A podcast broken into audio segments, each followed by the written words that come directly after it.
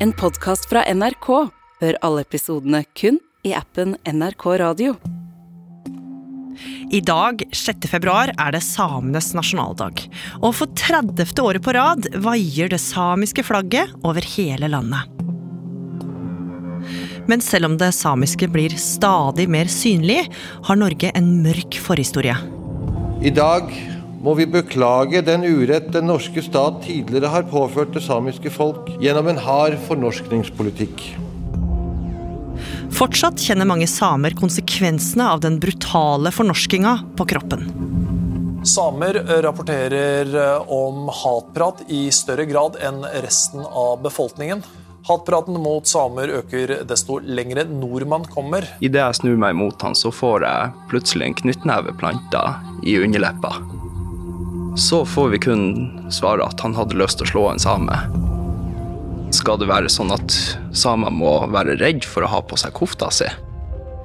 Hvordan er det egentlig å være ung same i dag? Du hører på Oppdatert. Jeg heter Gry Veiby.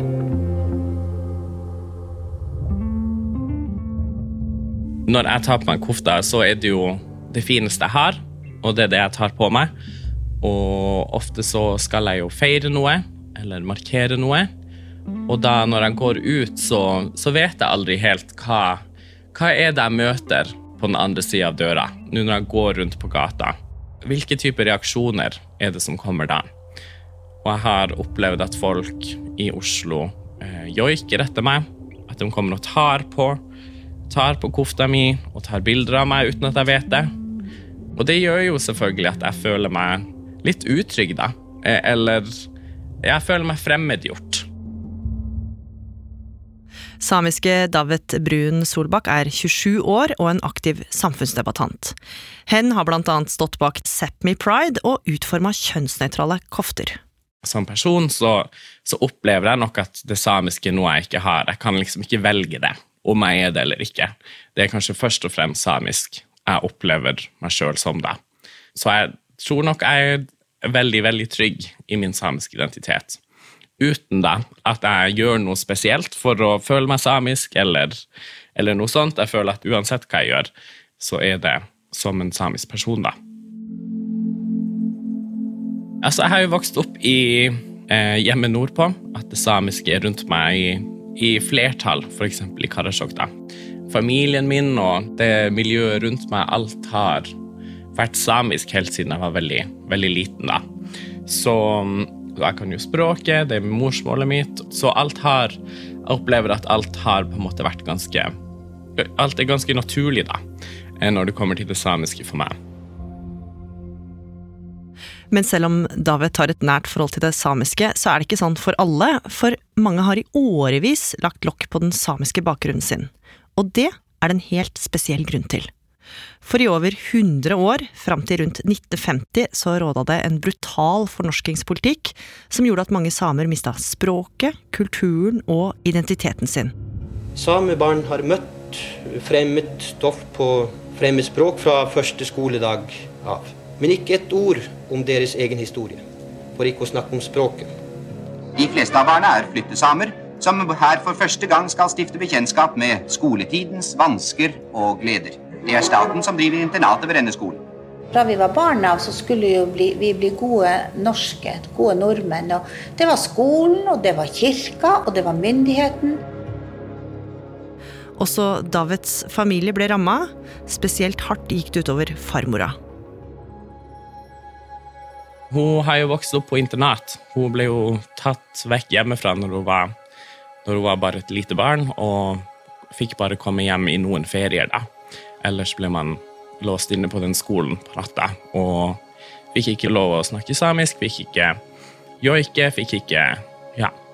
Fikk ikke utøve det som var helt naturlig for, for et barn, da. Hun har sagt til meg at det ødela livet hennes. Farmora lærte aldri barna sine å prate samisk, og det var hun ikke aleine om.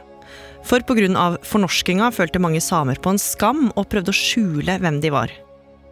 Men utover på 90-tallet så ble det mer bevissthet om uretten samene hadde blitt utsatt for, og de neste åra kom det flere beklagelser fra offisielt hold. Det samiske folk har fått en helt ny status, og jeg kan i dag kunngjøre at regjeringa vil foreslå at det opprettes et eget fond som en kollektiv erstatning for de skadene fornorskningspolitikken har påført det samiske folket. Og det var i denne tidsperioden Davet kom til verden. Og nå tok farmora et annet valg. Selv om hun ikke lærte en samisk til sine to sønner, så 20 år etterpå, eller 25 år etterpå, så lærte hun barnebarnet sitt samisk. da. Hun skjønte at her, um, ja, her er det Kanskje hun ikke valgte riktig, da. Eller kanskje hun ikke visste bedre når hun var ung, men at men når hun hadde sjansen på nytt, da, så var det samisk som føltes naturlig likevel. Så med åra så hadde det samiske fått en større plass i familien igjen. Men da Davet ble ti år og familien flytta til en ny kommune, så ble det tydelig at det samiske ikke i like stor grad var normalen der. Jeg flytta jo til Tana. Der er det samiske ikke i majoritet, og jeg flytta dit når jeg var ti år gammel. Og allerede der begynte jeg å merke at sånn, oi, her er det her er en litt annen eh, stemning. Der var det mye tydeligere at her hadde man Nei til Sameland, som var en egen gruppe som aktivt jobba mot å få etablert et sameland da. Nei til samisk. Nei til tvungen samisk og nei til Sameland, sa aksjonsgruppen. Men de fikk ikke lov til å si det inne i kommunestyresalen. Frp var også kanskje litt større der, og at det var liksom noen tydelige motstemmer. Der man hadde de samiske oasene, da, så hadde man også veldig tydelig noen som var imot mot det samiske og ikke likte. At det som for dem sikkert oppleves som at vi får flere rettigheter eller blir særbehandla. Så jeg tror allerede der så begynte jeg å legge merke til sånn, ok, det er ikke alle på min egen alder her som har et like enkelt syn på det samiske. Det, var, det er ikke naturlig for alle andre at man er samisk. I Karasjok for eksempel, så var jeg jo veldig vant til at alle snakker jo samisk på butikken. og også Postmannen snakker samisk, og de aller fleste du møter i løpet av din dag, snakker jo samisk. Mens i, i Tana så snakker alle norsk. Og det ble noe helt annet. da, At man, man kommer til et samfunn der det samiske ikke er like naturlig. Fem år senere så skulle David bestemme seg for videregående, og det som for andre er et valg basert på hvilken linje du vil gå på og hvor skolen ligger, ble det noe annet for David, som følte at det også var andre ting som måtte tas med i beregninga. Så da var jeg litt sånn OK, skal jeg velge alt, da?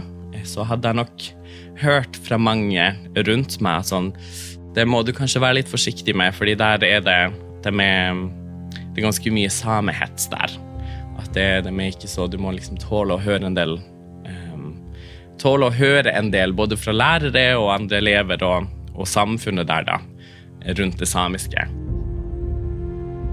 Og det det er veldig spesielt, det. At man allerede som 15-åring må begynne å ta inn over seg at sånn OK, jeg kan kanskje ikke eksistere alle steder um, i, i, Norge, fordi her er det såpass hardt, da. At folk er på en måte har så mye mot deg, da. Det er noe du må ta noe du må tenke på når du skal ta liksom, sånne typer livsvalg. Det, det har jeg tenkt mye på i etterkant. For å få en ny start falt valget på en skole nesten 140 mil lenger sør, nemlig Oslo katedralskole. Jeg ble jo kalt Samen, da. Så når jeg, når jeg, kom dit, så var det jo Det var liksom det som var kallenavnet mitt i starten. Og jeg var jo 16, så jeg ville ikke skille meg så mye ut hvis jeg, hvis jeg ikke måtte.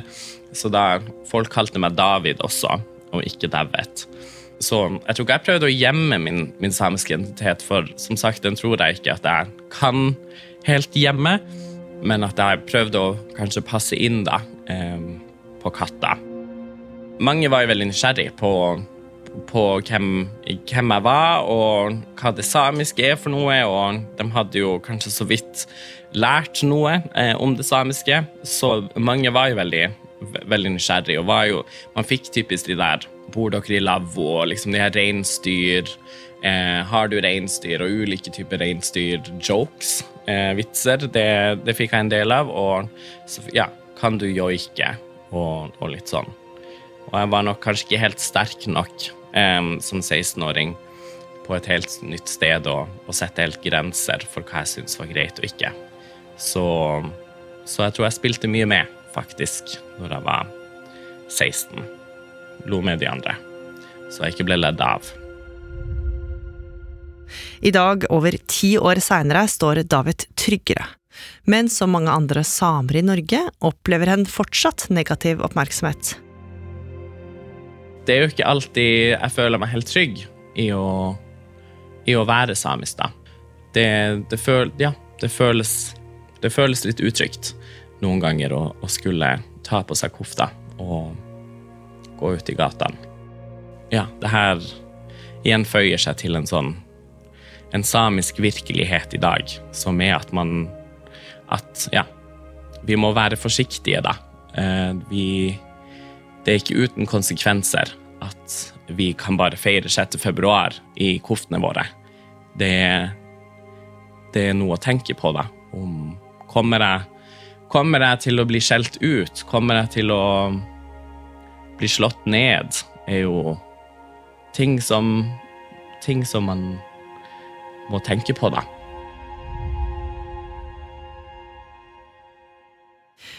David, nå er det 30 år siden den første feiringa av samenes nasjonaldag 6. februar.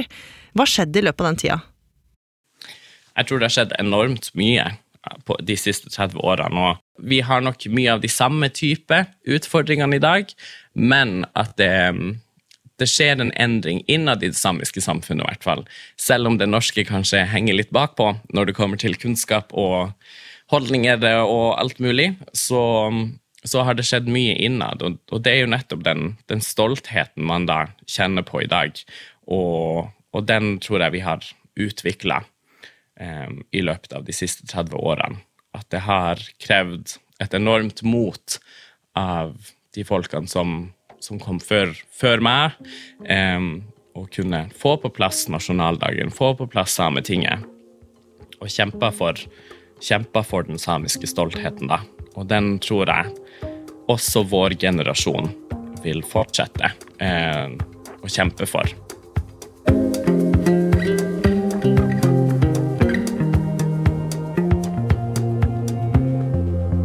Oppdatert er en podkast fra NRK Nyheter, og denne episoden den er laga av oss. Produsent Hanna Kolås. Teknikk og lyddesign Espen Bjørlo Mellem. Andreas Berge. Vaktsjef Ina Swann. Og jeg heter Gry Veiby. Programredaktør er Knut Magnus Berge. Klippene du har hørt, er fra NRK. Har du tips eller innspill, så må du gjerne sende oss en e-post. Adressen er oppdatert krøllalfa nrk.no. Hele historien. En podkast fra NRK. Mange pasienter frykter at de har blitt operert av legen som står bak feiloperasjoner på Sørlandet. I elleve år skjærer en lege i kropper uten å ha riktig utdanning. Så sier han bare det er koldbrann. Og så var det bare til med kniven og så kutte. På et lite sykehus blir flere titalls pasienter skadet for livet, og noen dør. Da tenkte jeg bare har han ødelagt hele livet for meg. Hør kirurgen i appen NRK Radio.